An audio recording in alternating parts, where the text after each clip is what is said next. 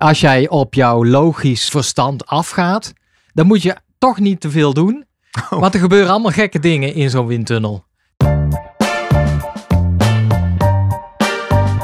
Welkom bij de Slimmer Presteren podcast. Jouw wekelijkse kop koffie met wetenschapsjournalist Jurgen van Tevelen en ik, middle-aged man in Lycra, Gerrit Heikoop. Over sport, onderzoek en innovatie. Voor mensen die hun grenzen willen verleggen, maar daarbij de grens tussen onzin en zinvol niet uit het oog willen verliezen. In deze aflevering praat ik met Jurgen over winst met wind. De perfecte stroomlijn op de fiets. Dat aerodynamica een belangrijke rol speelt op de fiets, laat de historie van het wielrennen zien. Wat zijn de belangrijkste inzichten uit de wetenschap? En is het zinvol voor een recreant om een prijzige aerofiets aan te schaffen?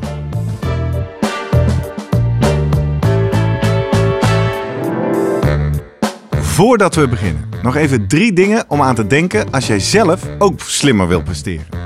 Nummer 1.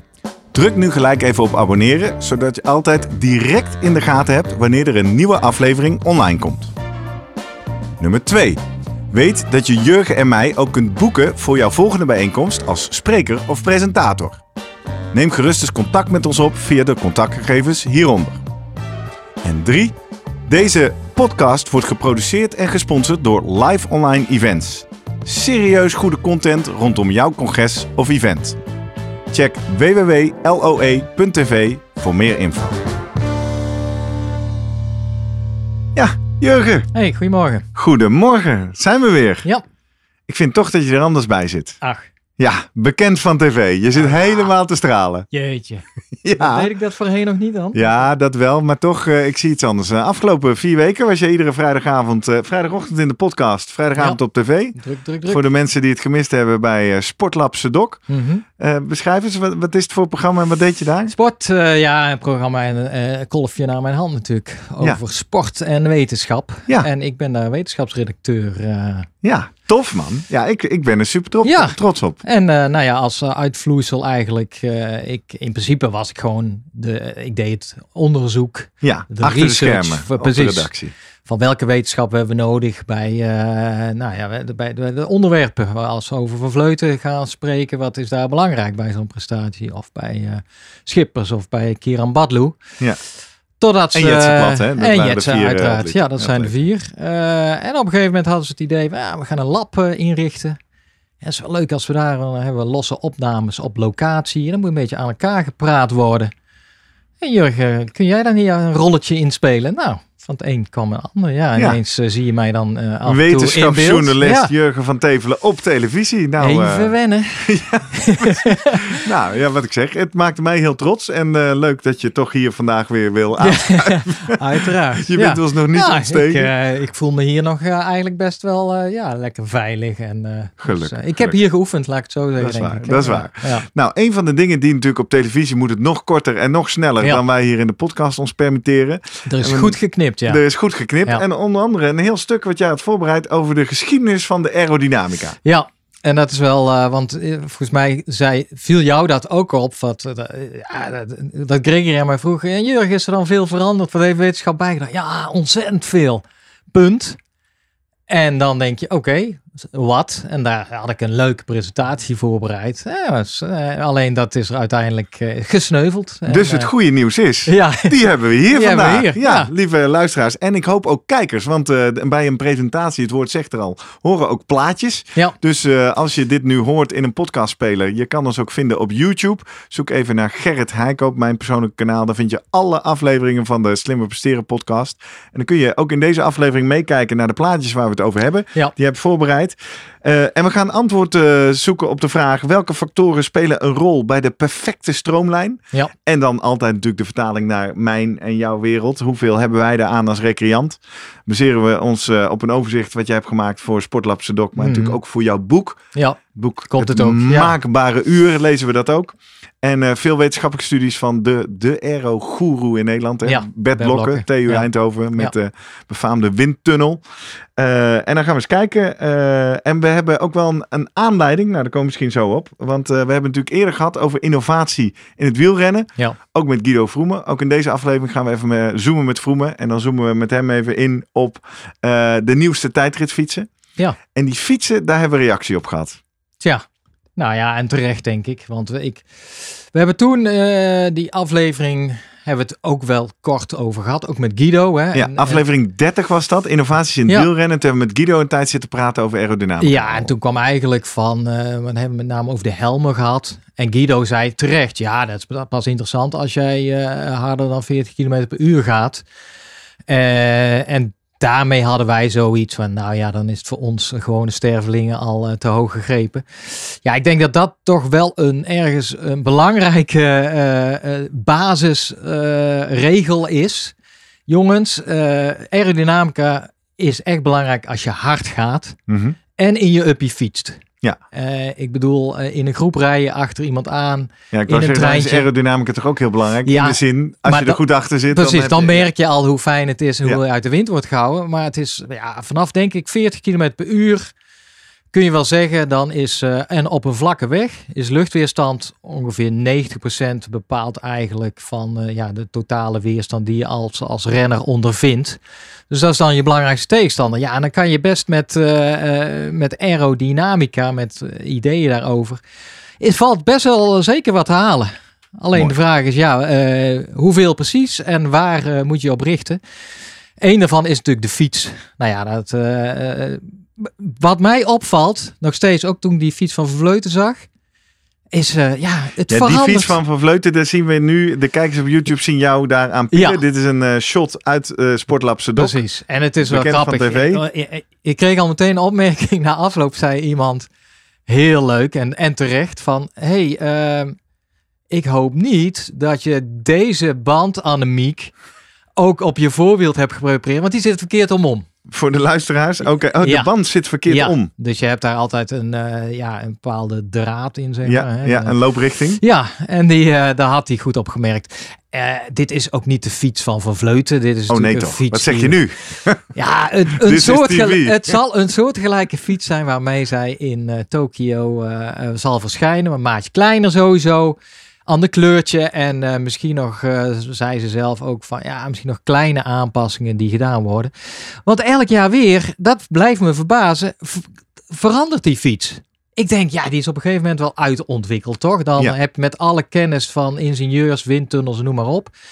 Of ze houden de boel een beetje achter van denk ja, we moeten blijven verkopen. Dat denk ik ergens ook wel. Maar ja, het, het blijft me verbazen dat de laatste, als je gewoon zeg, kijkt de laatste 10, 15 jaar, er heel veel veranderd is. En dit is exact het punt waar, even spieken, eh, Tim Mosmans ons over mailde naar aanleiding van die Klopt. aflevering 30. Dat hij zei, ja, jullie hebben het over heel veel innovaties, Ja. maar één onderwerp hebben jullie niet besproken. En dat is de aerofiets. En hij bedoelt eigenlijk, kijk, eh, we kennen aero met name van tijdritfietsen, triathlonfietsen. Ehm, maar hij zegt, ja, de gewone eh, wegfiets is tegenwoordig ook aero. En dat heeft dan met name te maken als je kijkt naar de vorm van de buizen. Die waren klassiek allemaal rond. Mhm. Eh, en, en, maar die zijn nu allemaal een soort druppelvorm en plat. Dus een beetje rond van voren en daarna worden ze plat en dan eindigen ze een beetje in een, eh, ja, komt het weer samen. Eigenlijk de druppel is eh, vorm, is alles, ja, dat kom ik continu tegen. Daar bedoelde hij op van, ja, je hebt tegenwoordig aero bij, ook denk ik volgens mij het stuur zit iets meer naar voren, waardoor je al meer die houding hebt, waardoor je iets dieper zit. Nou, ik heb het gehad in die uitzending ook over de CDA-waarde, het frontale oppervlak, de A. Ja. Dus je wil je frontale oppervlak moet zo klein mogelijk worden. Ja, dan kan je in één gedoken op een fiets gaan zitten. Dat doe je automatisch natuurlijk op een tijdritfiets met, een, met zo'n stuurtje, opzetstuur. Ja. Op een gewone fiets, als jij net die afmeting een beetje anders maakt, waardoor je iets meer naar voren leunt al, zeg maar, dan heb je al minder frontaal oppervlak.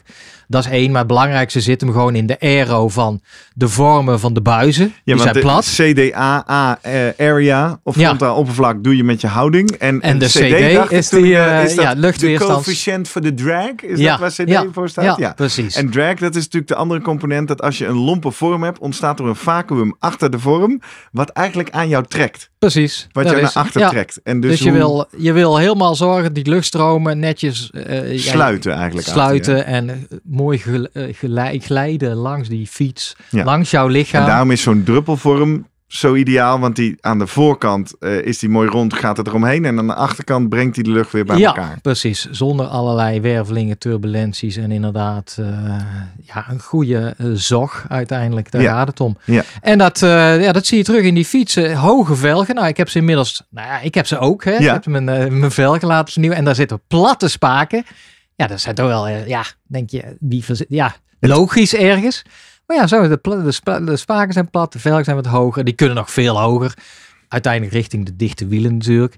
Maar het gaat met name dan, dat is één aspect. De andere is... En ja, toch even voor iedereen die nu afhaakt en denkt, jongens, Ja. ronde of platte spaken, dat Ja. maakt toch niks uit? Ja, nou ja, goed, daar moeten we het misschien ook eens met, met nou, Bert Blokken of met, met Guido. Het, het gaat uiteindelijk om de margin, de Ja. gains en de, de Nou, gratis ik, ik, ik watts, wil erop aanvullen. maar. En ik, Ja. ik besef me, ik heb dit verhaal wel eens eerder verteld in deze podcast, maar waarschijnlijk luistert iedereen niet alles. Ehm, je moet dus gaan rekenen, dat wiel, dat draait natuurlijk een aantal omwentelingen Ja. per minuut of seconde.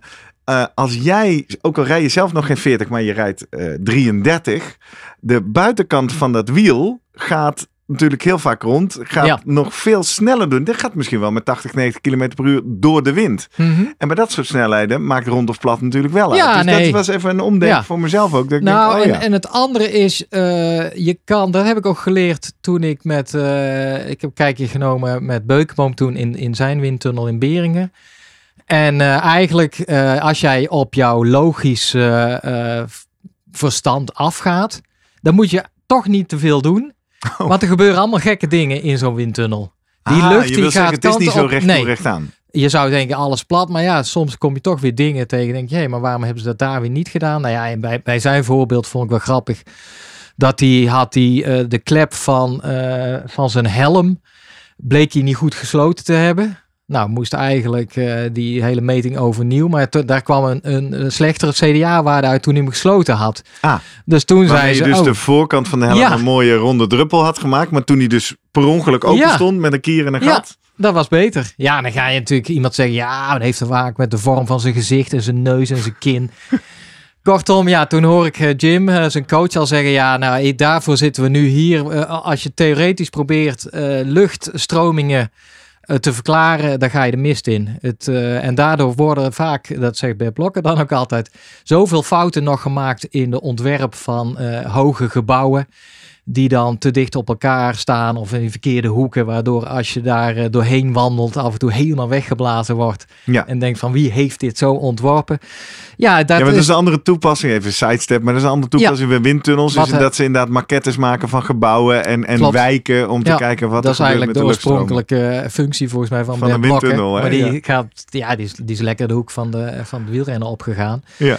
Dus de, de- daarvoor is het te makkelijk om te zeggen, ja, het moet allemaal maar plat zijn. En, eh, en, en, en nou, maar Plat en glad is Ja. dus niet altijd Nee. waar. Hè? We kennen ook de ribbels. van het golfballetje is ook, ja, precies. ja. Inderdaad, we hebben het over de pak inderdaad. eh, nou ja. En alleen, ik vind het blijft het interessant in eh, gewoon dat het blijft ontwikkelen. Ja. En eh, nou ja, die, Neem die ons fiets- eens mee. Nou ja, Ja. die fiets van Vervleuten, eh meest belangrijke vond ik, en dat zie je nou dan toch steeds terug, is die, dat dingetje daar eh, op de, eh, tussen de bovenbuis en de achterbuis, zo'n driehoekje. Ja, dus de, de bovenbuis. Daar, er Ja, is een soort extra eigenlijk. plaat Ja. toegevoegd. Ja, wat doet dat daar? Ja, eh, nou ja, dat weet ik niet precies. Je gaat denken, dat is toch on- onzinnig, extra gewicht, want je wil een, Ja. gewi- een, Zo licht mogelijk. nog wel, ja. Zit daar een motortje in, hè? Denk je dat? Ja. ja. Reparatiesetje. Ja, repara- heel handig. Nee, volgens mij is het toch hol, dan moet ik even inkijken. Nou, dat is wel iets waar ik denk, ja, dit, dit is echt iets van de laatste jaar, twee jaar of zo. Heel maf, toch? En Ja. dat, daar zal echt wel... eh, Heb je verklaring gevonden of nee? Het nee. valt je gewoon alleen op. Ja, valt me op. En dat is gewoon dus eh, voortschrijdend inzicht. En dan toch, en nou, dan moeten we er ook nog bij vermelden. Het interessante is denk ik door, voor die toppers. Die gaan natuurlijk allemaal persoonlijk die windtunnel in. Of hebben zo'n eh, pop staan. Die eh, eh, gegoten in de vorm van hun lichaam. Waardoor ze niet zelf... eh, De hele dag in de nee. winter over te zitten. En dan gaan ze, ja, en dan maar testen, meten en eh, noem maar op. En dan kom je, ja, dan kan je, dan kan je elk rikkeltje en elk uitstekeltje natuurlijk meenemen. En Ja. dan tot eh, de perfecte stroomlijn En toch komen. even voor mensen die hier iets verder vanaf staan. eh, in welke orde grote winst ben je dan Ja. nog aan het halen? Nou ja, goed, dat is daar afhankelijk van hoe hard je gaat. Oh ja. Daar kom ik zo denk ik op als we het over Hou CDA-waarde vast. gaan hebben. We Ja. gaan gewoon even klikken, Ja, denk ik. klikken ons dus even lekker door jouw Nou, presentatie heen. kijk, eh, voor die uitzending heb ik natuurlijk ook gekeken. hey, eh, wat, wie? Nou, dat is een andere. Je denkt, eh Nederlandse vrouwenwielrennen, allemaal toppers, hè? Ja. Altijd eh ja, vooraan. winnen vrij veel op dit moment. Ja. behalve als je kijkt naar Olympische tijdrit, moet je teruggaan 2004, uh, Leontien van Moorsel. Ja. 2004 is dat, dat is 17 jaar geleden. Nee, Ja. hè, daar hebben we het toch laten liggen. Iets, ik weet het niet. Nou ja, als je naar die fiets kijkt, dan zie je toch al best wel dus dat is Welke fiets is dus de, is de linker. fiets Ja. in beeld? Is de fiets van, van, van, 2004? van, van Moorsel. En Ja. denk je, ja, nou, die is best wel snel toen al, hè? Ook Ja. zo'n eh, plat stuurtje. Even goed blijven beschrijven Maar wat we zien hè, voor de plat, mensen die nog niet naar YouTube rondere, zijn. eh, vooral rondere eh, buizen. ja. Ik had voorbereid voor die uitzending wulpse vormen. Dat vonden ze heel mooi als ik dat zou zeggen, maar dat hebben ze uitgeknipt. maar vooral ook die, dat zadel. Tegenwoordig heb je echt zo'n ja, zo'n zadelpen die doorloopt eigenlijk vanuit de, de achterbuis. Precies, ook dik. En- ja, dat laat je nu zien bij de fiets van Van Ja, Vleuzen. en Dikke, achterbij. Ik zie wel nu dan in die, oh, maar dat hebben ze allebei. Maar hier zie je al wel in die, eh, in die voorste aansluiting van die bovenbuis Ja. en de diagonale buis, zie je ook dat gat al opgevuld. Beetje, hè? Ja. Eh, nou, aan de rechterkant bedoel ik dan, hè, bij de stuurpen. oh ja, ja. Die driehoek is ook uitgevuld, zie je dat? Zie je hier wat. Ja, dat hebben ze daar ook nog. Nou ja, het andere is natuurlijk die, eh, de, achter, ja, de, eh, de ruimte tussen die achtervork of de achterbuis Oh ja. en het wiel. Dat is toen al redelijk minimaal. Dat is, wordt nog steeds. Ja, dan dat, kan je net dat een, is nu een soort sport, hè? Dat, ja, dat, dat een creditcard moet er nog net tussen kunnen. of een, strak een tegen het frame aan. Nou ja, en dat zijn dus. Maar ja, over het algemeen denk ik van een beetje rondere vormen. Eh, met inderdaad losse kabels. Die zie je hier ook nog wel bij. eh, Toen, in de- 2004. Ja. Je bent de verschillen aan het zoeken tussen en nu de kabels en zijn nu echt weggewerkt. Alle kabels weg. Eh, en het is toch wat Stuur lijkt ook platter. rechter, strakker. Ja. Ja, dat stuur, ja, dat is een, ook een heel goed punt. Dat was een tijd echt dat je helemaal vlak moest gaan liggen. Ja. Ook als triatleet eh, Ja. zag je dat. Ja, ik heb dat. Hè? En Want zelfs eh, dat de, de, de mensen die vaker luisteren. Ik, Ja. ik heb een aero-fiets. Ik vind jouw Met fiets kaarsrechte ja, eh, lijkt heel erg op die van Van Ja, Moorsel een beetje, hè, toch? Wulps had ik nog niet gezien dat die was. Maar Nee. We hebben hem wel eens in de uitzending eh, zien hangen. in het hè? Decor van de, de eerste acht afleveringen hangt. En trouwens, ik zie nu in mijn groepje eh Middle-aged Man in Lycra op dinsdag. Eh, Je zit te klikken. Wat wil je volgende? Oh, je wil nog iets ik mensen die, ja, nou, ik denk toch wel drie hebben echt een nieuwe fiets gekocht. Ja, En dan een gewone wegfiets, zoals Ja. eh, Tim eh, al eh, beschrijft. Ja. Ja, rete duur. ja. Eh, want dat, dat, dat hoort ze ook, hè? Ja, dat ja, hoort. daar zijn ze natuurlijk trots wel mooi, echt duur wel toch heel prachtig. En inderdaad, gewoon eh, in, in dit soort vormen eigenlijk ook. Platte buizen en een beetje die druppelvormen. Die kom je tegen in het hele frame. wat voor budgetten uh, spenderen jouw Volgens vrienden aan het eh, wielrenfietsen? ja, eh, richting de 6000 Niet, gaat het al. Ja, niet. ja erg hè. En dat, daar fiets ik dan mee. Nou ja. Holy en dan, dan fiets ik daar met zo'n eh titanium. Maar waarom eh, hè? Ik dacht dat een dure wielrenfiets 3000 euro was. Dit is alweer twee keer zoveel. Waar, waar, waar betaal je dan voor? Ja, elektronisch schakelen. Dat is, Oh ja. eh, hoort Nou, er ook bij. Andere ja. velgen. Nou, Ja, het is natuurlijk oké. Nou, het is, nou ja, allemaal samen. We gaan door. Aerodynamica. Ik bedoel, ik gun het die jongens. Hè. Ik Ja, bedoel, natuurlijk. eh, hebben ze hard voor gewerkt. Hard voor En ze gefietst. mogen wel met mij fietsen. Hè? Hallo. Dat is eh. waar. Bekend van ja. tv. Vertel, waar Nou, kijken hier, we naar? eh, kijk, ik ben een van de weinigen die het ook interessant vindt om naar een tijdrit echt te gaan kijken. Vooral bij de Giro. Ja, de meesten zeggen, daar vind ik niks aan. nee. Maar dan, dan, ik- ja, dan kik ik toch een beetje op van, hebben, wat hebben ze nu weer voor nieuws verzonnen? Nou, je Ja. ziet hier We Ganna, zien een foto van de Ganna koning. in de Giro Ja. d'Italia van 2021. Nou ja, je nu. ziet eigenlijk hier ook een beetje weer dat, eh, de- dat extra driehoekje tussen de... eh, in die bo- bovenbuis en de, de zadelbuis, zeg maar. Maar, eh, Hele hoge velgen. ja, Voor ook bijna een dicht wiel. Maar wat ik ook wel interessant vind, is met name dat dat opzetstuurtje toch wel wat aan het veranderen is. Dat ze iets hoger gaan liggen en dan juist die, eh, de handen niet meer in het verlengde van de ellebogen. Dat je echt vlak ligt met Ja. die onderarmen, maar die armen, onderarmen iets omhoog gaan. Ja, ik wou zeggen, ik zie nu ook bij triatleten Ja. dat ze bijna als een soort bidspringhaan met de, met de onderarmen omhoog zitten. ja. Nou, dat is, eh, ja, dat is dat je. als- maar is dat beter dan plat? Ja, dat, dus wel. Ja, je kan je ook voorstellen als je naar frontaal oppervlak kijkt, dat je eh, als jij je armen in een hoek van, van inderdaad eh 90, 90 graden, hè, gewoon hebt, plat, zoals ik nu lig. ja, dan, ja, dan laat die wind maar niet, die, die, die Ja, vang je dan op. Creëer een soort windbak. Ja, en hier en ze gaan dan die schouders echt te- tegen elkaar zeggen, shruggen. Ja, dan bots je eigenlijk, dan bonk jij zo door die wind heen. Ja. Zo zie ik het. Dat Oké. daar, eh, het zit super oncomfortabel. Maar in plaats van dat je jezelf meer als een soort druppelvorm naar voren maakt. Of als een soort pijl eigenlijk. Dat is als je, als je Ja. natuurlijk plat gaat leggen. Je gaat van pijl meer naar, ja, toch Ja. eh, opeengevouwen. En dan, ja, dan krijg je toch wel, ja, ook een druppel, denk ik. Maar eh, ja, er is ooit, heb ik in mijn boek volgens mij, een suggestie gegaan dat ooit een wielrenner, een Engelse man, die had een te hoge GCDA-waarde, eh, op het punt stond om eh, zijn armen in te korten, zeg maar. Operatief. Ja, dat, of dat echt, eh, echt serieus was, ja.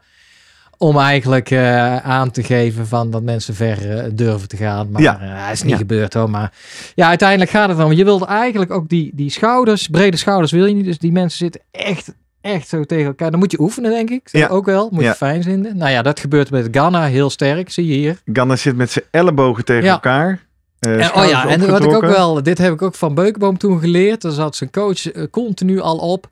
Beukenboom moest in die, die handen, dat is Ja. ook een, een dingetje. Die moet je dan, eh, ja, idealiter een beetje die vingers op elkaar leggen. Oh. Ja, hij moest altijd dan zijn rechterhand over zijn linker. Ja, misschien is het gewoon... Ook weer om daar een soort Ja, gat af te sluiten. Ja. En ik kwam het, als je, ja, eh, Bert Blok heeft een enorm overzichtsartikel gezet van de show notes met de hele historie daarvan. Dan komt het, zag ik het ook nog terugkomen. Dat maakt dus daadwerkelijk iets uit. Ja, dan praat je over, nou ja, eh, ah, de- ga je uit van bijvoorbeeld 45 km per uur, wat normaal misschien 300 watt, 350 watt kost, kost dan nou, eh, t- eh, 2,95. Scheelt Ja, misschien 5 Een paar watjes. Maar ja, op Maar de tijdrit van de Giro. Precies, daar gaat het om. Nou, Die was maar 8 kilometer trouwens. eh, dan gaan we, nou ja, eh, en dit vond ik dan, heeft dan Jumbo Visma, daar heeft eh, Tim eh, Huismans in zijn mail, die zei al, ja, eh er was altijd een eh, dingetje vorig jaar dat Jumbo Visma reed gewoon op de verkeerde fietsen, vond men, de kenners. Ja. Want ze reed op Bianchi en Bianchi is eh, prachtige mooie fietsen, alleen eh, niet eh, heel vooraanstaand als het om aerodynamica gaat. Dus iedereen zei, dit is een goede keuze geweest. dat Ze zijn overgestapt naar Cervelo, wat wel een Oké. ja, zeer vooruitstrevend eh, eh, eh, fietsenmerk En weer is. voor de luisteraars die niet meekijken op YouTube. We Is zien Thomas, hier twee foto's ja, Thomas Vos, Ja, die op zijn Cervelo tijdritfiets van de deed hartstikke goed. En dan ja, die Affini deed ook goed. Ook weer dat driehoekje achter. Ja. Ook weer die nauwe afstand tussen achterwiel en... Wat ik vooral opvallend vond aan deze sturen Ja. is dat ze een soort, eh, wat is het, 10, 15 centimeter omhoog gaan Ja. vanaf het stuur. Een Klopt. soort opzetstuk. Ja. En dat je voorheen dacht je dat je moest heel laag gaan zitten hè, met je Ja, armen. ja. En, hier is, Agressief heet dat dan. Ja. en hier is eigenlijk dat de, de hoogte van het stuur ten opzichte van het zadel nou bijna dezelfde hoogte is. Hè? Dus je zit eigenlijk met je wel comfortabeler lijkt me. Misschien zit, is dat er ook de reden erachter dat ze zeggen ja. Kijk, het is altijd een, een compromis tussen winst op de stroomlijn. Ja. En eh, je, wel je vermogen kunnen trappen. Als En je dat te is- veel dubbel gevouwen zit, kan je het niet meer leveren. En dat is bijvoorbeeld Tom Dumoulin is, ja, is mij verteld, heb ik gelezen, mm, dat dat een van de weinige renners is die evenveel kan trappen op zijn gewoon zijn wegfiets en op zijn tijdritfiets. Maar dat bijvoorbeeld eh, andere renners altijd toch iets minder kunnen trappen. Door die houding. Ja, alleen dan ga je berekening maken van oké, wat is de winst die de, de aerodynamica oplevert ten opzichte van het verlies van het eh, vermogen en je kan trappen. Nou, dan hebben ze het er vaak wel voor over. Ja. Ik kan ja, misschien dat met deze stroomlijn eh, het, eh, zelfs het vermogen, afname in vermogen minder wordt. Dat het gewoon comfortabeler trappen is. Ja, alsof je dus helemaal niet meer zo agressief hoeft Ik te vind het even spannend. Jij gebruikt het woord misschien. Dus wij speculeren Ja. hierover. Dit weten we niet. Nee, Bert Blokker zal het weten, want die test die Jumbo Die test Visma renners Jumbo-Visma, die heeft het in, jou eh, nog niet willen nee, vertellen. Nee, dit, nee, eh, dit zijn altijd de, eh, de geheimen, de ploeggeheimen. Het kan best dat Bert Blokker over drie jaar een Daar een mooi stuk schrijft over schrijft. Ja. Wat algemener. En dan, dit vond ik wel, ja, Je wijst nu naar een tweede foto onderaan. dat dus dat opzetstuurtje was natuurlijk klassiek. Had je altijd twee opzetbeugels, zullen we Ja, maar zeggen. hè? ja. Die met het stuur, gewone stuur verbonden waren. Dat is er nu nog maar één geworden. Zie je?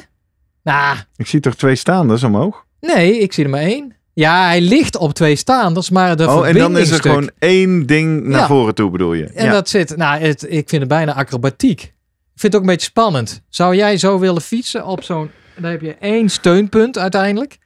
Je ligt op twee. Ja, hoe eh, ik ermee omga in mijn triathlons als amateur, altijd Ja. goed om dat even perspectief. Ik ga gewoon bij de bochten van die beugels af. Ja, Dus eh, als, ik, als ik een recht stuk heb, dan denk ik dat niet uit. Maar ik Nee, heb toch het gevoel dat ik niet kan sturen als een ik in die beugels een lig. putdeksel of een, eh een ja, daar ben ik natuurlijk één keer ooit Ja. flink mee gevallen. Mensen Nou, die mij volgen. Jumbo-Visma is de enige ploeg die dit nu heeft. Ja, dit, gaat, dit gaan ze volgen. Je kan je ook voorstellen, ja, logisch dat dit wel wat oplevert. Want in plaats van twee, eh, twee objecten Ja. eh, waar de wind mee te maken krijgt, heb je nu nog maar één. Ja. Dus nou ja, nogmaals, elk jaar weer eh, smullen voor, eh, eh, voor mensen zoals jij over wat daar gebeurt. Ja, nou ja, de smullen vanuit het oogpunt van eh, eh, Techniek. techniek en innovatie. Ik zelf doe het gewoon op klassieke titanium fiets met, eh, met ronde vormen. Maar nou ja, ehm, Je hebt voorbereid. Zeker. Daar moeten we naartoe, hè? Ja, Ja, anders wel. Nog even over eh, waarom we niet, eh, niet de recreant niet meteen moet denken, hey, ik moet ook zo een, een aerofiets of ik moet ook. Nee, want laat ik dit verhaal weet ik zeker dat ik al drie keer in deze podcast heb verteld. Maar toch voor de Ja. nieuwe luisteraars, waarom heb ik nou een aerofiets? Ik begon met triathlon in 2017, kocht een fietsje van 50 euro. Eerst maar eens kijken of ik het leuk vond. Ja, Mhm. ik vond het leuk. Ik Ja. werd verliefd op die sport. Dan dacht ik, nou, dan mag ik nu ook een aerofiets. Even de budgetten waar ik dan shop is lekker tweedehands. 12,50. Nou, wel dure wielen erbij. Dus laat ik eens 1500 euro of 1600 euro uitgegeven hebben. Ehm, en toen had ik een aerofiets. Carbon, kunt er met een pink optellen. Prachtig. Nou, helemaal happy de peppy. Totdat, ja, hoe onwetend kun je zijn? Ik was echt eh, nieuw. Ik erachter kwam dat je met zo'n fiets helemaal niet in groepen kan Nee. fietsen. En helemaal niet welkom bent Nee. bij de training van de UATT Ja. met, eh, met zo'n fiets. Dus toen heb ik ook nog maar een wielrenfiets Ja. tweedehands ernaast gekocht. Als ik dat geweten had, had ik denk ik nooit een tijdritfiets gekocht. Maar hè, het, het moet een soort cadeautje zijn en je hebt jezelf. eh, niet een vermogensmeter aangeschaft en dan die op nee, beide gewoon twee fietsen, hè? fietsen. En dat je dan kon gaan vergelijken en Ja, nee, van, heb ik hey, niet mijn. CDA-waarde. Nee. Nee, want we, jij zet hier een grafiek Ja, in ik beeld. denk dat Fietssnelheid versus vermogen. Ja, op dit kop vergeten gewoon toch heel veel mensen. Dit is gewoon de basisrelatie tussen snelheid die Ja, je haalt kilometer en per het uur. vermogen dat je daarvoor moet trappen. Ja. En dat is een, ja, dit is een. een Dus we een- zien snelheid op de horizontale Ja. as. Hoe verder naar rechts, hoe sneller. En we zien vermogen, benodigd vermogen op de verticale Ja. as. Hoe, eh, hoeveel heb je nodig? Ja, en dan zien we drie lijnen. Ja, nou ja, we gaan de voorbeeldlijn is eigenlijk gewoon zeg maar de rode lijn voor iemand die weinig aan de aerodynamica denkt. Ja, een soort hockeycurve. Ja, Begint maar, natuurlijk eh, laag, laag. En gaat dan steeds sneller omhoog. Precies. Steeds meer watt Ja, voor iedere kilometer extra. exponentieel kennen we een beetje van COVID. Dit is eigenlijk tot de derde macht is Oh. deze relatie. Maar dat betekent eigenlijk dat je tot, nou ja, tot 25, 30 kilometer, ja, gebeurt er allemaal nog niet zoveel, hè? Nee, nee. Maar pas vanaf inderdaad hoge snelheid, 45, 50, dan gaat hij echt, ja, eh, flink omhoog. Die relatie. Heb je dus voor dezelfde snelheid, Ja. kan je ineens veel meer vermogen gaan gebruiken als jij de rode lijn bijvoorbeeld eh, echt met een, een losse broek en rechtop op je fiets zit. Ja. En dan gaan we omlaag in die, eh, eh, pakken we een andere lijn die ik hier heb getekend met een betere Ja, stroomlijn. daar staat bij Dus een kleine groep en grote groep. ja, bijvoorbeeld als je in een groep rijdt. Maar hetzelfde kan ik neerzetten van eh triathlon eh, fiets of aero fiets. Oké. Of eh, nou ja, daar gaat, dat is eigenlijk de speelruimte die je hebt. En dan zie je daar bij 40 km per uur bijvoorbeeld van 300 watt die je dan moet trappen. Dit is maar een voorbeeld eigenlijk. Hè. Dat Ja, ja, een beetje af van de omstandigheden.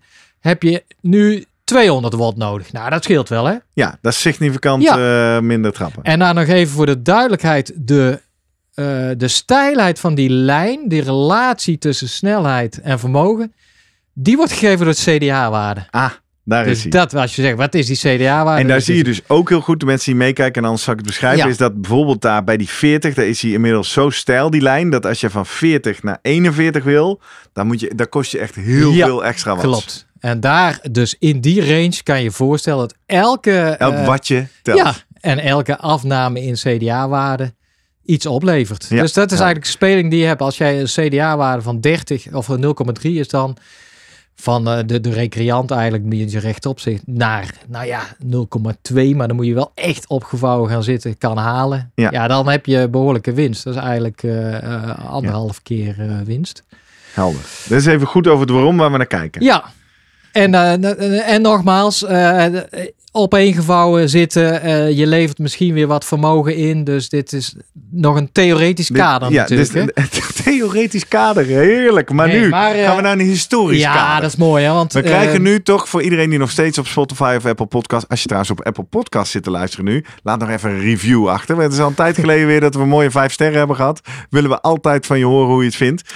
Spotify, misschien toch even over naar YouTube, want nu komt er toch een fotopresentatie, ja, jongens. Ja, ja. De historie van de En aerodynamica. doorheen. Maar je snapt ook dat ze mij eruit geknipt hebben. Dachten, we zijn nu al. eh, ja, 20 we zijn wel bezig. eh, Eh, 20 maar- minuten bezig. Ja. Ja, eigenlijk moet je nog een stapje terug. Dit is 1913 Marcel Berthet. Ja. Dat is een van, de, ja, een van de grondleggers toch. Die al inzag als wielrenner van... hey, aerodynamica is belangrijk. We zien hier een zwart-wit foto van een man met een bolhoed. Die houdt iemand vast. Die zit eigenlijk Ja. in een soort vliegtuig op de fiets. Zo kan ik het niet anders Een soort druppel is het eigenlijk. Oh ja. eigenlijk. Een- Maar dit is een, een constructie die hij helemaal om zijn fiets heeft heen Ja. gebouwd. Eigenlijk een soort wat je nu wel ziet met die lichtfietsen. Alleen dan zit hij er normaal op. De, de wielen steken er onderuit. Precies. En, eh, het dat- dat sluit zich helemaal om hem heen. Ja, hij heeft een deurtje gemaakt. Dat gaat straks dicht. De man met de bolhoed is een eh, vliegtuigconstructeur. Eh, die heet Buno Varia. Oh, Die heeft zijn er naam op. erop gezet. Ja. De Velo Torpille is, eh, torpille is eh, torpedo in het Frans. Ja. Dus ze hebben De eigenlijk een torpedofiets ontwikkeld in 1913. En, ja, en deze vent, die... En wat voor materiaal is dit? ja, is dit dan eh, hout met tent- doek of zo? Ja, tentcel inderdaad. Of, eh, Houten latjes denk ja. ik hè, het frame. Ja. Totaal was 17 kilo heb ik gelezen. Kostte, maar hij, die Marcel Bertet, die was trouwens al, die schoor ook zijn benen en eh, die droeg zijden In die shirts. druppel, ja, zie ik. Eh, die was al van de aerodynamica, maar met... eh, Hij heeft wel een fictie, hè? in de Eén versnelling. Ja. Ja, maar dat was toen al, sowieso denk ik is goed te melden, heel veel innovatie uit baanwielrennen, vooral werelduurrecord. Zoals je wel weet uit het Uit maakbare het uur. maakbare uur, het fameuze boek Dus van dat- de man van tv. Die plaatjes komen terug. Deze gast, die ging wel knetterhard. Hè? Eh, 1913, 5 kilometer eh, reed hij 53 kilometer per uur. En eigenlijk die recordtijd, die is pas echt nou in de jaren 90 verbeterd. Niet dat eh, zijn record nog stond, want de UCI of de voorloper van, die had zoiets, dit heeft niks meer met fiets te maken. We Nee. gaan dit wel eh, uitbannen. Dit is dus een het werd voertuig. verboden. Ja. ja, ja, ja, helder. Maar dit geeft me aan dat de slimmerikken in het wielerpeloton, die, die zijn er altijd al geweest. Eigenlijk Ja. twintig jaar daarvoor was er al iemand die aan een, eh, een koers verscheen met een wind, een schermpje op zijn fiets. Ja. ja. En nou ja, dat heeft, of het hielp, weet ik niet. Zo'n ding wat ook voor een kinderzitje zit. Ja, nou ja, goed, eh, je moet slim zijn hè. Oké, We gaan verder. Nou, Hey, dit is een Oscar. beetje Oscar Erke, dat is ook zo'n... eh, die had zijn naam mee. ja, Toch, we gaan het weer even die proberen te dacht beschrijven. toen van, een, als, eh, als zo'n hele stellage niet mag, die, die dacht wel aan de druppel. De druppel was bekend van, is belangrijk, als ik nou zo'n punt achter mijn kont eh, steek. ja, dus we, Nou. we zien een wederom een zwart-wit foto met een wielrenner op een fiets die we al wel herkennen. Hij zit gewoon aan de voorkant, ziet het er normaal uit. Maar ter hoogte van zijn heupen, zijn kont, zit er een soort... Ja, wat is dit? Een soort ja, een vle- vleugelpunt achter Ja. of zo. Steunt Ja. af op zijn achterframe. En eh, er staat ook, eh, dit is de Velo Fusée. Ja. Oh, en hij heeft gewoon een mooie achterzitje daarvan gemaakt. Hè. Dat is echt... Ja, dus alles maar om de C in de CDA hier omlaag te brengen. Dus door, om zijn, om zijn drag Ja, eh, te Ja. verminderen. Ja, om die lucht goed te eh, geleiden. En eh, Wilde dit een beetje? dit wilde ook. Maar er was toen wel al een tijd dat UCI zei, ja, maar dit gaan we ook niet doen. Hij, hij reed ook records op de 10 kilometer of zo, of noem maar op. Eh, nee, zeker. Helder. Eh, maar toen, dat mocht niet, maar toen kwam deze eh, middelmatige Franse wielrenner Francis Faure in 1933 was dat ook. En die ging het werelduurrecord verbeteren richting de 45 kilometer, als ik me kan herinneren. En dat was shocking, want die vent was in het normale eh, wielerleven helemaal... ja, Stelde niks voor. Nee, precies. Gewoon een knecht. Eh, maar ja, hij kwam wel op een, eh, op een lichtfiets aan, eigenlijk. Eh, hij, hij kreeg nog allerlei verwensingen naar zijn hoofd van, van zijn concurrenten. Zo grappig te vermelden. Dat hij zei, hey, lui, lui, eh, lamzak, kom Ja. eens even rechtop zitten. We zitten hier niet... Want wij weten inmiddels wat een lichtfiets is. Maar Ja. je zegt dus eigenlijk, we kijken hier naar de allereerste lichtfiets. We zien dus inderdaad twee kleine wielen. We precies. zien een soort dubbele kettingconstructie. Waardoor hij helemaal boven zijn voorwiel heeft hij zijn, zijn trappers en zijn aandrijfas. En hij ligt zelf achterover op een soort kuipstoeltje. Met een lange stok eh, richting zijn voorwiel Ja. eh, in, de, in de hand. De eerste lichtfiets. En En, hij ging er hard op. hij verbeterde het En hij record. verbeterde het. En dat heeft toen... Ja, dat En gaf ook de reden dat dit dus werkt, is omdat je zo plat achterover ligt. Heel klein ta- frontaal op Dit is met name je A, ja. Ja. Ja, dat, daar zijn ook berekeningen nu wel van gemaakt. Ja, van een 0,2 die je een, een wielrenner vaak maximaal kan halen van CDA. Dat wordt misschien iets 0,19 als het heel klein is.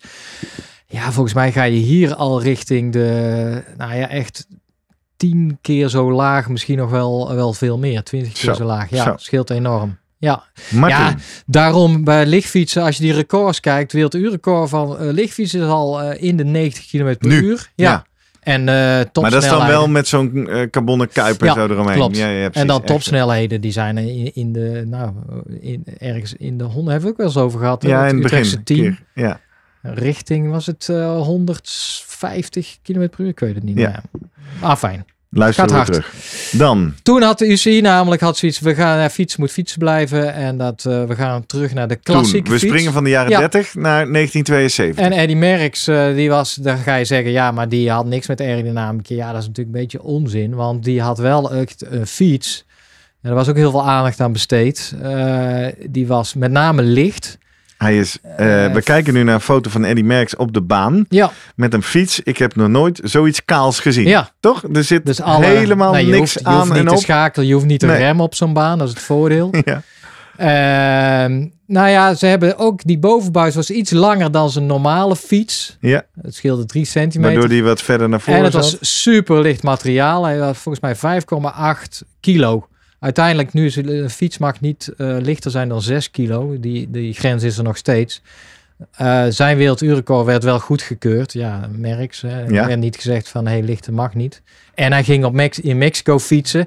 Daar heb je al minder luchtweerstand, maar dat heeft te maken met de dichtheid van de lucht. Dus Met de hoogte. bedoel, ja. ja. Ja. precies. Maar dat draagt dus wel bij aan het effect van de A-waarde. Ja. En, en ook trouwens van de CD-waarde, allebei. Ja, ja. Eh, want er is gewoon minder zuurstof wat of aan je kan trekken of wat je opzij moet duwen. Ja. Helder.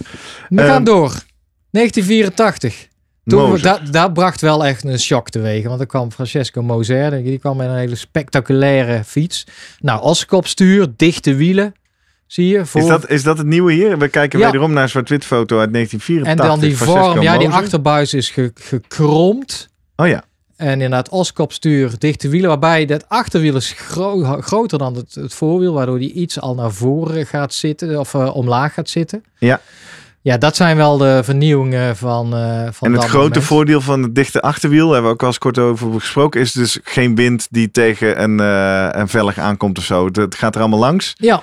Grote ja, moet- gevaar op de weg is, zijwind, vlagen Klopt, en je bent weg. precies. Dus niet, eh, ja, die fouten worden ook nog wel eens gemaakt. Er was een hoop discussie, want ze zeiden, ja, hey, mag dit zomaar? Officieel volgens de reglementen mag je namelijk geen toevoegingen aan een fiets hebben, maken, die jou eh, voordeel geven. Maar eh, het verweer van uh, Moser en zijn clubje was, ja, maar het zijn geen toevoegingen, want de spaken zijn eruit gehaald. Ja, als je geen spaken hebt, moet je toch iets in dat wiel stoppen. Ja. Dus dit is één grote spaak, zullen we maar zeggen. Ja. Eén spaak, Ja. creatief. Ehm, ja, hij had natuurlijk, hij kwam uit Italië, had een, een goede club van mensen om zich heen die ook een rol speelden in de UCI. Hij had zijn eigen fietsfabriek toen al, dat zijn Moser fietsen. Dus hij had, eh, ja, had goed voor elkaar. eh, eh, ook zijn schoenen, die zaten al vast aan de trappers. Oh ja, dat is al een, Dat zien we ook. En ja. helemaal ingepakt en er zit geen veter of geen klittenband of niks in. En hij was ook de eerste die een beetje met lange mouwen ging fietsen. En eh, lange benen eh, of st- stukken. En dat Ja. werd toen ook al ja, ge- afgevraagd, mag dit? Nou, het mocht. Het is eigenlijk een soort schaatspak, hè, Ja. als ik er nu naar kijk. Hij is helemaal ingepakt. Maar de helm had hij toen nog niet. Of Nee. die was er toen. eh, dus dat is, ja. Dus dan gaan we, het, eh, nou ja, de, de helm. Dan, ja, dit moment hebben we het ook vaak over Ja, gehad. 1989. 1989. Ja, een, eh, een schier onmogelijke achterstand eh, op de eh, ene laatste etappe wist Greg LeMond om te buigen in een 8 seconden voorsprong in de slottijdrit naar de Champs-Élysées op zijn naaste belager de Fransman Laurent Fignon. En we kijken dus nu ook naar twee foto's uit die tijd. Ja. Uit eh 89 op de Champs-Élysées. Naar een fiets. Waarvan ik weet dat hij toen heel revolutionair was. Maar dit ziet er Nee. nu zo ouderwets uit. Het is gewoon staal en het is gewoon een, een driehoek en inderdaad een dicht wiel. Maar, eh, maar het innovatieve was hier dat, dat grote triathlonstuur. Ja, klopt. Want Fignon die had eigenlijk die had twee dichte wielen en die had eh, een ossenkopstuur, maar dus nog geen opzetstuur.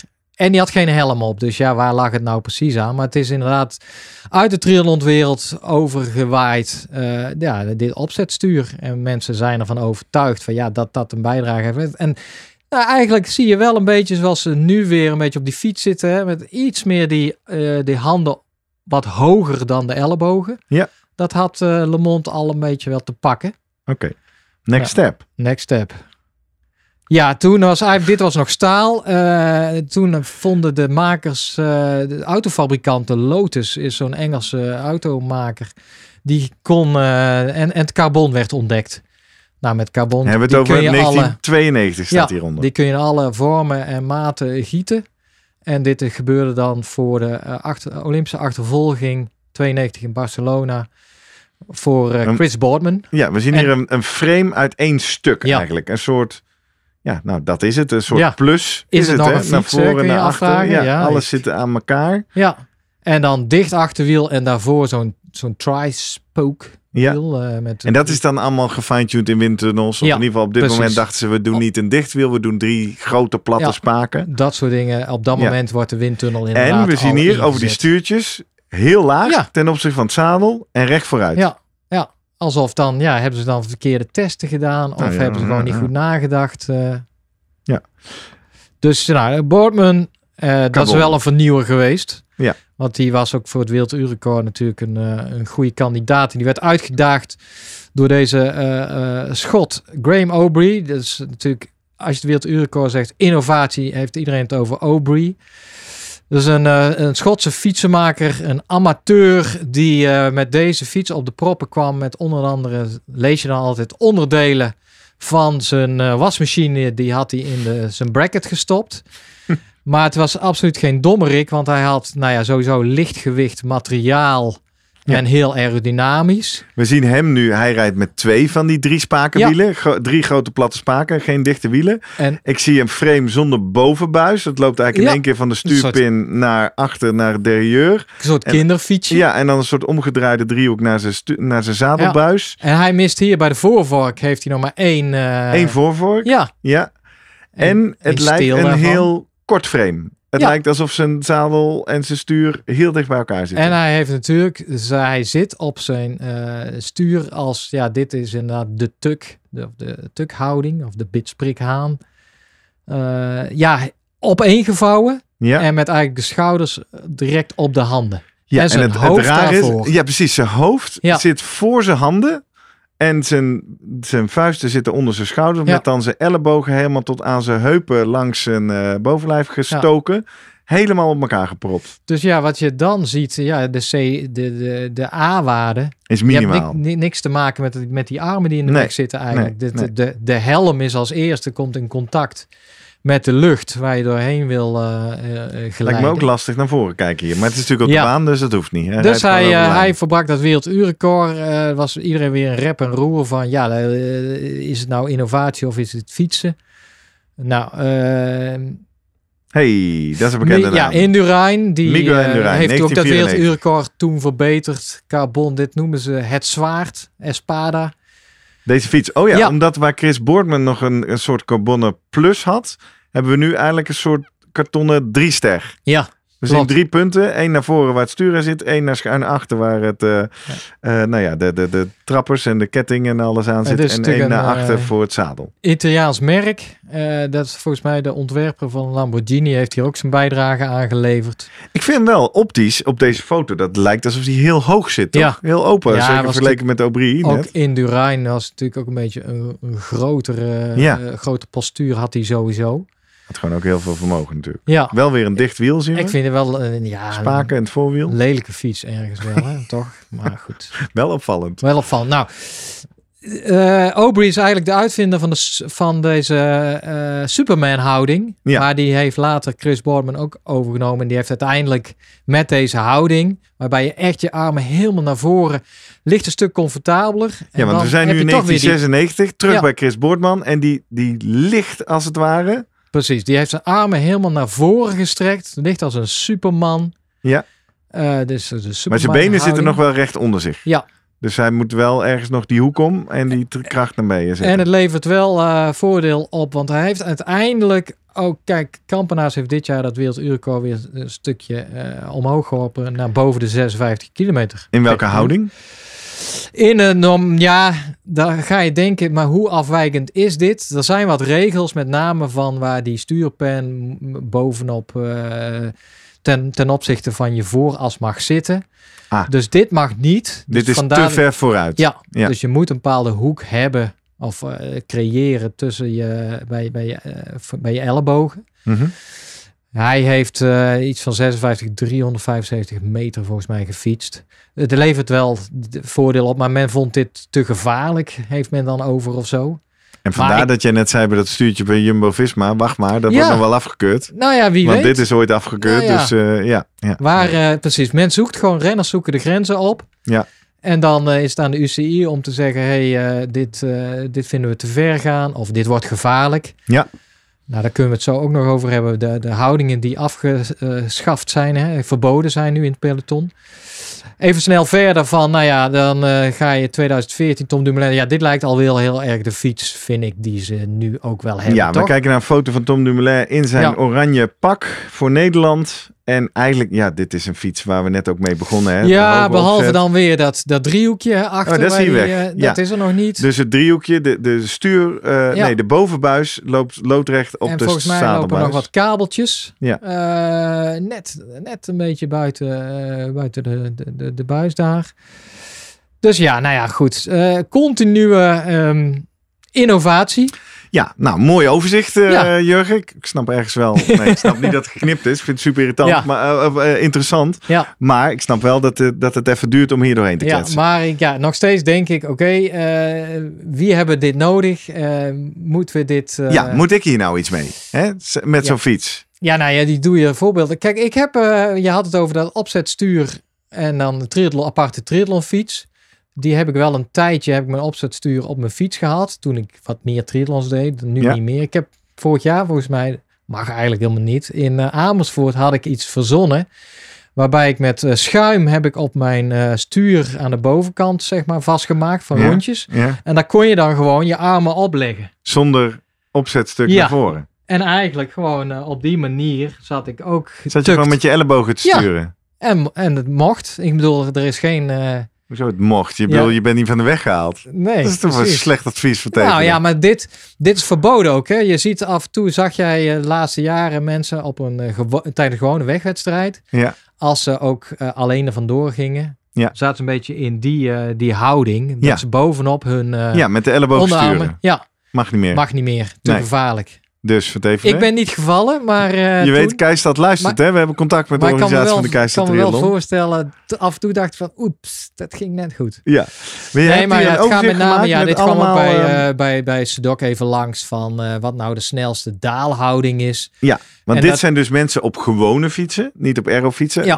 Allemaal wielrenners. En dat is natuurlijk begonnen met, met Froome, die in de, af, de afdaling van die, Oh. oh. die Pirazourde, ehm, Ja, dus die gaat op zijn bovenbuis liggen, Ja. helemaal tegen zijn stuur aan met zijn kruis. en iedereen zei, wauw, dit is innovatie, dit is vernieuwend, slim bedacht van nou, die het is vooral Sky. gevaarlijk ook. Maar Ja, en dat gingen mensen nadoen. En dan, eh, ja, je had al eerder Pantani die juist met zijn kont Ja, boven zijn Die gaat eh, met zijn, bovenwiel eigenlijk met zijn borstbeen op zijn zadel, Zadel, liggen ja. en zijn kont achter het zadel hangen. Doe ik Nou, ook wel eens.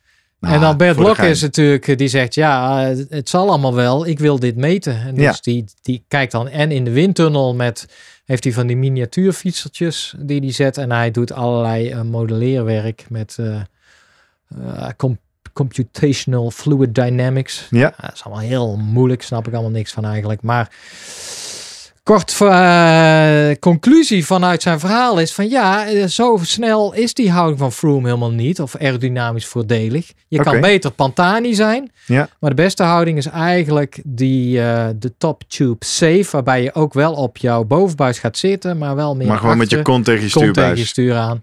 We hebben je- ook veel wiel- wielrenners uiteindelijk eh, daalden zo af. Maar Hey, en die is dus interessanter dan, want we zien nog een paar normalere houdingen tussen. Hè? Je rug gewoon horizontaal of Ja. je rug in ieder geval heel diep, hè? met je neus naar je stuur diep gaan zitten. Eh, en we zien nog gewoon rechtop gaan zitten eigenlijk. En Eh, precies, volgens mij is de volgorde, wat ik weet, dit de snelste. Misschien was die al, al eh, eh, van Pantani de tweede. Ik meen dat dit kont hoog.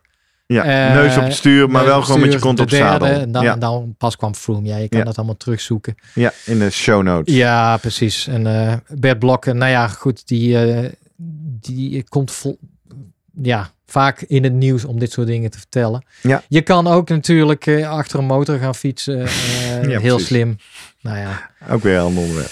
Nou ja, nog even van hoe hij dat meet. Ja, ik heb die windtunnel bij hem ook wel gezien. Eindhoven heeft natuurlijk een hele lange. Dan kan hij hele eh, ploegen van Jumbo-Visma, ook een ploegentijdrit. Erin zetten. En dan kan hij achter rennertjes achter elkaar bekijken. En kijken van, nou ja, wat is je beste positie, hè? Ja. En dan is de ene laatste positie blijkt de beste te zijn. Ja. En het grappige is, wat ik altijd nog bij leer, is als iemand achter je zit, dan heb je daar ook licht voordeel ja, van. dat is interessant. Hè? Ja. Dus eh, als je in een groepje rijdt. eh, eh, nee, nou vooral eigenlijk in de triathlon hou ik me daar dan maar aan vast. Hebben Ja, wij ja. natuurlijk in een eerdere Ja. aflevering over gehad. Als je dus iemand achter je krijgt waarvan je merkt dat die zich aan je optrekt. Ja, Ja, nou is bij triathlon officieel de regel natuurlijk dat ze 12 meter erachter moeten zitten. Het maar is- stel nou ja. dat ze het niet doen. Besef je dan, je hebt ook een procent of 10 voordeel van het feit dat er iemand achter ja je ik weet niet of rijdt. het 10 is, maar iets in de orde 5 tot 10 misschien. Ja, Ja. hoe dichter je erop zit. En dat is dan omdat de drag Ja. wordt verminderd, omdat zij eigenlijk ook weer lucht precies. doorbreken. Ja, ja. en eh, nou ja, ja, mentaal werkt het sowieso toch. Als iemand achter zit, ga je al iets harder fietsen, toch? Ik Denk niet. Ah, jij Nee, niet. ik heb daar mentaal Ja. juist last van. Dan denk ik, verdorie, Nee, maar ik vind dat wel, ja, het geeft gewoon aan van, en, en dan gaan mensen zeggen, ja, zo'n windtunnel, dan zet je precies die, die, die eh fietsertjes heel dicht op elkaar, netjes achter elkaar. Zo werkt het natuurlijk niet in het, in het echte leven met zijwind en noem maar op. Dat is ook, dus je moet ah, dit af en toe met een korrel zout nemen, maar ik denk wel dat eh, globaal gezien de inzichten die dat werk van Bert Blokken onder andere geven, Kun je ervan leren. ja, zeker. Eh, en dat, nou, laatste bevinding die, eh, waarmee we kunnen afsluiten is denk ik wat hij nu gepubliceerd Ja, heeft. we gaan nog zo even zoomen met Vroemen, hè? Over Ja. eh, ehm, Precies, ben benieuwd hoe hij eh, kijkt naar met naar name de nieuwe nieuwe, fietsen. eh, Even kort, Ja. want het wordt wel heel lang zo. Maar nog even, laatste Ja. bevinding nou van ja, eh, Blokken. er wordt altijd gezegd bergop, daar heb je toch geen voordeel van een treintje. Want Ah, ja. eh, je, dan is je klimweerstand is, eh, de grootste tegenstander. Je gaat eh, lang niet meer zo hard. Lukt je niet om die, eh, die 40 km per uur te halen. Eh, nou ja, hij heeft bij Blokken toch weer een leuk onderzoek gedaan. In die windtunnels heeft hij van die miniatuurtreintje van vier renners neergezet. Ja, Waarbij hij eigenlijk de helling waarop ze staan in die windtunnel eh, kon eh, variëren. Ja. En daarbij heeft hij gewoon zitten meten bij, eh, bij bepaalde eh, snelheden. ja. Wat doet dat nou met, eh, met de luchtweerstand? En daar hebben we, los van dat de kijkers Ja. op YouTube hier foto's van zien, hebben we ook een video van. Let op, die ga ik even bij zoeken. En dan even vanaf het begin herstarten. Want nu kijken we Ja, dus naar een op, het, animatie. op het vlakke. En dan heb je gewoon vier renners achter elkaar. En dan zie je, nou, leuk hoe die wind, die, die, die gaat. Hè. Dan zie je eigenlijk linksonder het vermogen wat... eh, Wat eh, iedere renner moet trappen. Ja, de Ja, eerste dan iets minder dan 100 Hè. ja. En hoe en- steiler het wordt, hoe meer het vermogen bij iedereen omhoog gaat. Maar je blijft zien dat die eerste renner nog echt En dit nou, is bij- 10 tot ja, 15 zeker. procent En meer bij trapt. 25 km, nu 20 km per uur. Nou, dan moeten ze 80% halen. 10 als ze dan- hellingshoek. Dus kortom, bij die profs die echt knetterhard nog met 20 km per uur die, die heuvelen opgaan. Ja, dan snap je ook wel van dat, dat het nog steeds het voordeel is van een, een, een, een goede ploeg. Ja. Met een goed treintje die eh, eh, de kopmannen omhoog eh sleuren. Hey, en als we dat nou, deze hellingtest, vertalen naar de wereld van de amateurs. ja, Want de snelheid gaat die drastisch omlaag. 30 kilometer, 25 kilometer. Ja, kun je dus eigenlijk zeggen, nog steeds heel veel voordeel ja van. nou ja, goed. Maar nogmaals, ik, als het 10% omhoog gaat, ja, dan ben ik blij als ik eh, boven de 10 km Oh, je wou per uur zeggen, ga. dan haal je die 20 niet. Dus eh, nee, maar ik eh, ja, vlak dat niet uit. Dat dus, tuurlijk, klimweerstand hartstikke belangrijk. Ja. Aerodynamica, ook in die situaties, als je maar hard genoeg gaat, speelt zeker een rol. Resume, Jurgen. Want, Alleen eh, nogmaals, daar heb je daar een aerofiets voor nodig? Ja. Ik denk het niet. Dat doen ze vaak ook niet voor die eh, etappes. Want een aerofiets is vaak toch nog weer wat zwaarder. Oké. Zit hem denk ik met name misschien in het gewicht sowieso denk ik dan van plattere buizen. Dus dat het meer volume. Extra materiaal, ja. En waarschijnlijk de hogere velgen. Ja. Dus dan kiezen ze eigenlijk toch voor de klassieke fiets die gewoon licht is. En dat is... eh, Hey, en jij en ik nou? ik, Wat eh, eh, doen wij nou? Nee, maar nou, even, ik- even resume. Want Ja. dat is een super mooi overzicht over de historie. Vind ik sowieso leuk. Ja. Heb ik in je boek gelezen. Leuk om te horen. Eh, ook een mooi inkijkje in eh, hoe dat gaat achter schermen bij Sportlab Sedok. Maar onze belofte van deze Ja. podcast is ook een, een, een reflectie voor jou en mij als amateur. Ja, ja, ja ik, het is, als ik ook binnen mijn groepje kijk, ja, eh, eh, als je het mooie fietsen vindt, e- echte aerofietsen, je hebt het geld ervoor over. Ik denk, ja, goed, de, de markt wordt ermee overstroomd. Daar kan je het best overwegen. Ja, het levert je dus wat watts op. We hebben geleerd, die watts die gaan pas echt tellen Ja. als je significant harder gaat. En dat is toch echt wel 35, 38 Ja. plus. Dan maakt het wat En het uit. liefst in je uppie. Exact, dan want in die groep meeste- heb je al zoveel ja. voordeel van de Of groep. je moet kopwerk gaan doen, natuurlijk. ja. Eh, ja, goed. Is de En qua houdingen is dus niet, niet te veel rare fratsen. Nee, je moet dat Goed opletten niet. op je frontale oppervlakte. Schurgen. En, maar, eh, en als jij nog een, een klassiek triathlon stuurtje hebt, zoals jij eh, bijvoorbeeld, wat gewoon horizontaal staat, plat. Ja. Ga dan spelen met een, een kleine hoek. En Precies. ga daar eens even Kijken of je kijken. hem omhoog kan krijgen. En daarbij is wel belangrijk dat je eigenlijk die twee, ik weet niet of jouw triathlon stuur één vorm heeft of ja, twee losse spijlen. Nee, nee, het hele stuur is één Want dan ding. zou je eigenlijk die twee spijlen wat dichter bij elkaar kunnen zetten, waardoor je echt gaat shruggen. Dus die schouders intrekken. Ja. Nou ja, dan heb je. Alleen ja, goed, nogmaals, eh, maak, eh, doe geen linker dingen inderdaad. Nee. Maar eh, ja, dan. Nou ja, je kan klassiek zeggen: oké, ik ga gewoon een, een, op twee keer een, een stuk van vijf kilometer fietsen in die twee houdingen. Eh, dan zorg ik dat eh, alle omstandigheden ver hetzelfde zijn. Guido zal zeggen: Nou, pak meteen een vermogensmeter erbij. Ja, precies. Want dan kan je echt die relatie meet, eh, laten zien tussen snelheid en het vermogen wat je voor nodig hebt. En er zijn tegenwoordig natuurlijk gadgets, we hebben het al met Guido een keer over gehad. Ja. Die je ook op je fiets kan zetten, waar die ook een soort CDA-waarde al laten zien. Dat is een beetje voor de, voor de freaks, denk Voor ik. de freaks. Nou, daarover gesproken. Nee, dat is een heel slecht bruggetje. Ja, laten we naar wel eh, over de Guido gadgets gaan. van Guido. We Ja. gaan hem even eh, zoomen. Goed plan.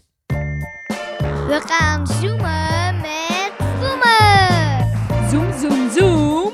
Vroom, vroom. Ja, Guido, goedemorgen. Hey Guido. Hey, goedemorgen. Hey, ik zit hier eh, met een kerstverse celebrity de afgelopen vier weken op tv, Sportlab Doc. Maar wat zag ik nou op Twitter? Jij haakt er natuurlijk mooi in, want die eh, laatste aflevering met Jetse Plat kwam je ook nog even voorbij. Ja, de, ze bewaren de beste aflevering voor het laatst, hè?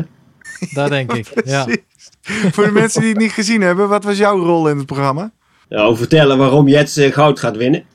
En wat we, wat we gedaan hebben aan eh, wetenschappelijke eh, onderbouwing eh, om, alles, om, om alles op 100% te krijgen. Aha, nou mooi. Ik zou maar terugkijken. Ja, zeker. Iedereen die hem gemist heeft, die moet hem zeker Ja. gaan terugkijken. En, eh, nou ja, en nu maar mee gaan duimen en gaan juichen met Jetsen en zijn goud. Ehm, los van eh, de Olympische Spelen, nou in ieder geval is wel een haakje. Wij, wij zitten al bijna een uur eh, te kletsen over aerodynamica, eh, Guido. Daar hebben we het met jou ook wel eens eerder over gehad. Over hoe jij CDA-waardes meet. hoe jij vette gadgets hebt op de fiets. Dat moeten de mensen maar terug gaan luisteren in onze aflevering over innovatie in het wielrennen. We waren nu nog benieuwd om even van jou te horen. We hebben allerlei fietsmodellen voorbij zien komen. Jumbo heeft ook net een paar nieuwe modellen. En Jurgen zei, nou ik wil wel eens weten wat Guido daarvan vindt. Ik vind het namelijk spectaculair. Oh, vind- Wat vind jij? eh, spectaculair. Ja, het zijn wel, eh, weet je, het zijn wel Cervelo fietsen. Hè? Dus het, het zijn wel eh, eventjes het, het, nou ja, een van de neusjes van de zalm. Dat zijn hele goede fietsen. Ja, ze hebben wel een, een slimme zet dus gemaakt door, door te, te switchen van Bianchi naar Cervelo. Ja, die, daar zal ik maar niet heel veel over zeggen. Nee. want ik Nee, denk kom, we gaan terug naar de feiten. Guido, eh, als jij naar die fiets kijkt, wat valt jou dan op?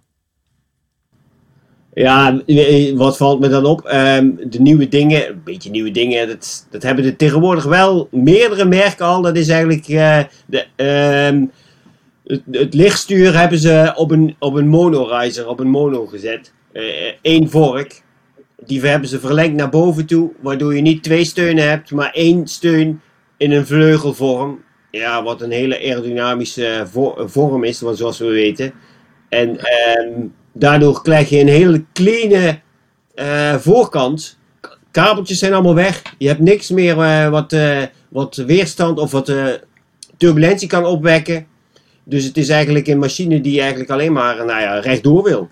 Ja, maar dat is wel, jij zegt meer merken hebben. Dat- voor jou was dat geen verrassing toen jij die fiets eh, zag eh, voorbij komen. Ik, ik, Nee. ik zag hem voor het eerst bij de Giro eh, tijdrit. Toen dacht ik, oh, dit had ik nog niet gezien. Maar jij, jij wist dat dit er al aankwam. Dit triathlonwereld al eerder misschien ook?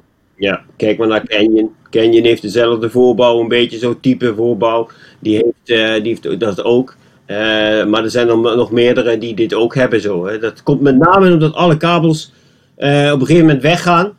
Ehm, die kunnen in het frame en dan de schakelkabels die, die zijn er helemaal niet meer, want alles gaat draadloos. Ja. Ja, dat elektronisch schakelen.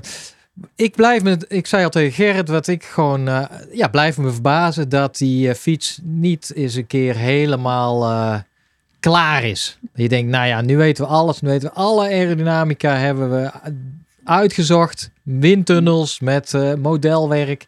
Elk jaar toch weer weer nieuwe snufjes. Ja, We- we- hoe, eh, hoe kijk jij daarnaar? Gaan we inderdaad over vijf of over tien jaar, zijn de fietsen ook weer anders? Dat blijft maar doorgaan. ja maar kijk naar de Formule 1 wereld. Ja, Die, die auto's die veranderen ook.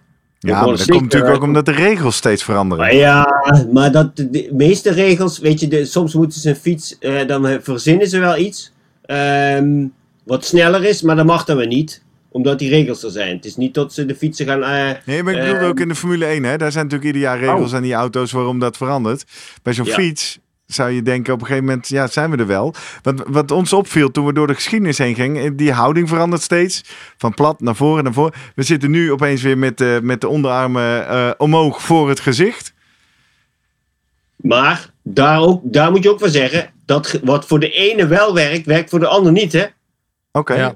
Hoe komt dat dan? Nou ja, omdat eh, eh, de positie van iedereen toch net even weer iets anders is.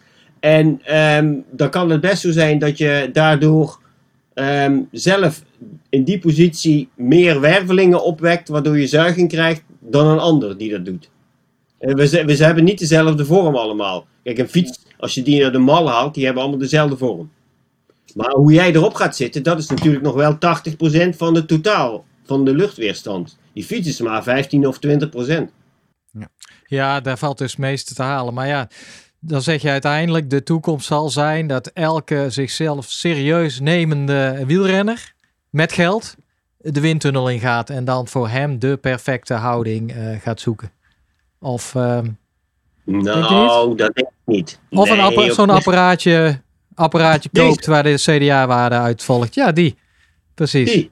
Ja, Ja, ja, ik denk dat Even voor de luisteraars, zeker Guido, eh, je houdt nu voor de camera de, de befaamde naald waar we het eerder wel eens over hadden gehad hebben. Ja, het is zeg maar een, een apparaatje met een, eh een pitot-tube, een rietje naar voren toe, die de luchtsnelheid dan meet. Ehm, en daar zitten verder nog accelerometers in. Er, zit, er zitten eh, eh, sensoren die dan contact kunnen maken met je vermogenmeter, met je snelheidsmeter. En dan krijg je alles eigenlijk in één.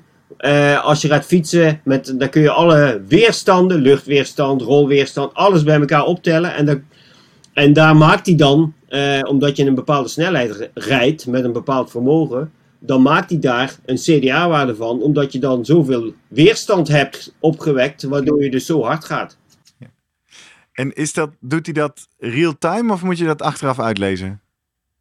Nee, deze kan het real-time. Daar niet echt op de Nee, seconde. maar ik wou zeggen, kan je uiteindelijk op je horloge of op je fietscomputer Ja. dadelijk een live CDA-waarde zien en dus zelf jezelf verder intukken? Of eh, is, is Ja, dat waar we maar- naartoe gaan? Ja, deze kan dat al, maar heeft een beetje een vertraging van 30 seconden. Dus als je nu gaat veranderen, dan is het niet zo dat je één seconde later al op je Garmin ziet van, oh ja, dat is het. Je moet zeg maar, eigenlijk, je, je, je rijdt een bepaalde positie, dat hou je vast, een paar minuten, en dan heb je eigenlijk een steady waarde op jouw Garmin staan. Dan ga je dan niet veranderen. Je trekt je schouders op en je gaat helemaal in elkaar kruipen en je gaat dan een paar minuten fietsen. krijg je een nieuwe steady state waarde. Dus dit is eigenlijk, nu snap ik hoe je zegt, moi, die windtunnel. Dit is eigenlijk dan de, de, Ja. de toekomst van de windtunnel voor de amateurs. Ik bedoel, dit apparaatje, weer erover, is nu nog duur, hè? Heel erg pr- kostbaar. Nou ja, windtunnel Ja. is ook kostbaar. Eh, Ja. maar Dus dit, dit, dit is eigenlijk wel de toekomst, denk je? Ja, ja, dat is, eh, weet je, daar, daar, veel prestatiegerichte eh, atleten die, die, die, willen daar, die gaan daar al, of die zijn er al mee aan het werk. En dit is natuurlijk ook iets wat je, ja, eigenlijk kun je dit ook steeds dan weer herhalen. Hè? Windtunnel eh, kost net zoveel als één zo'n apparaatje. Als je daar een, een, halve dag in de windtunnel wilt. Gebruiken dus eh triatleten, wielrenners dit al in hun trainingen sowieso? Weet je dat? Nou, nee, nog niet zoveel. Want ik Nee. zie dan ook een toekomst. Kijk, eh, daar, daar zijn ze al mee bezig met dat velon en zo. Dat je vermogens ziet hè, van al die renners.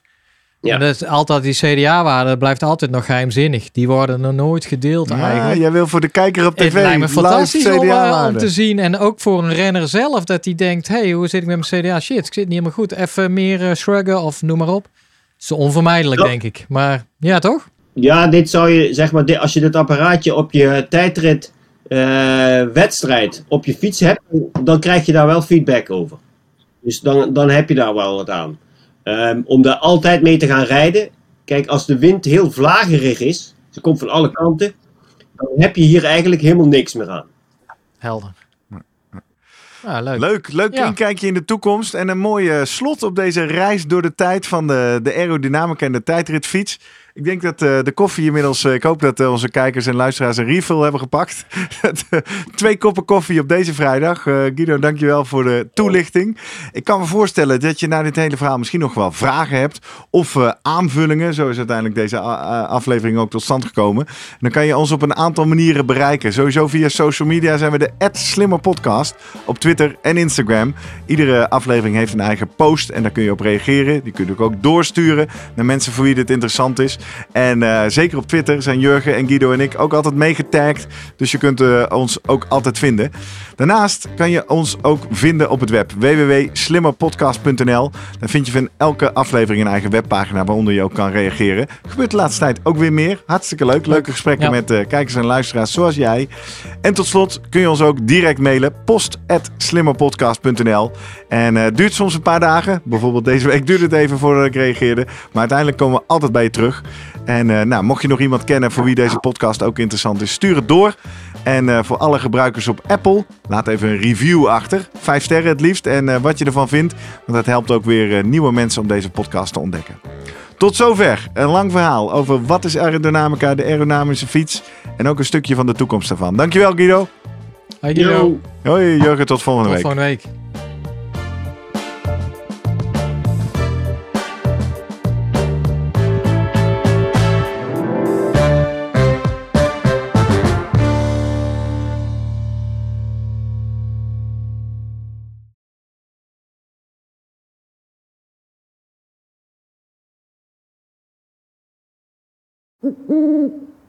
Hey, pst. Voordat je weggaat, denk er nog even aan uilentorenloop.nl. Dan zien we je de eerste zaterdag van juni. Tot dan!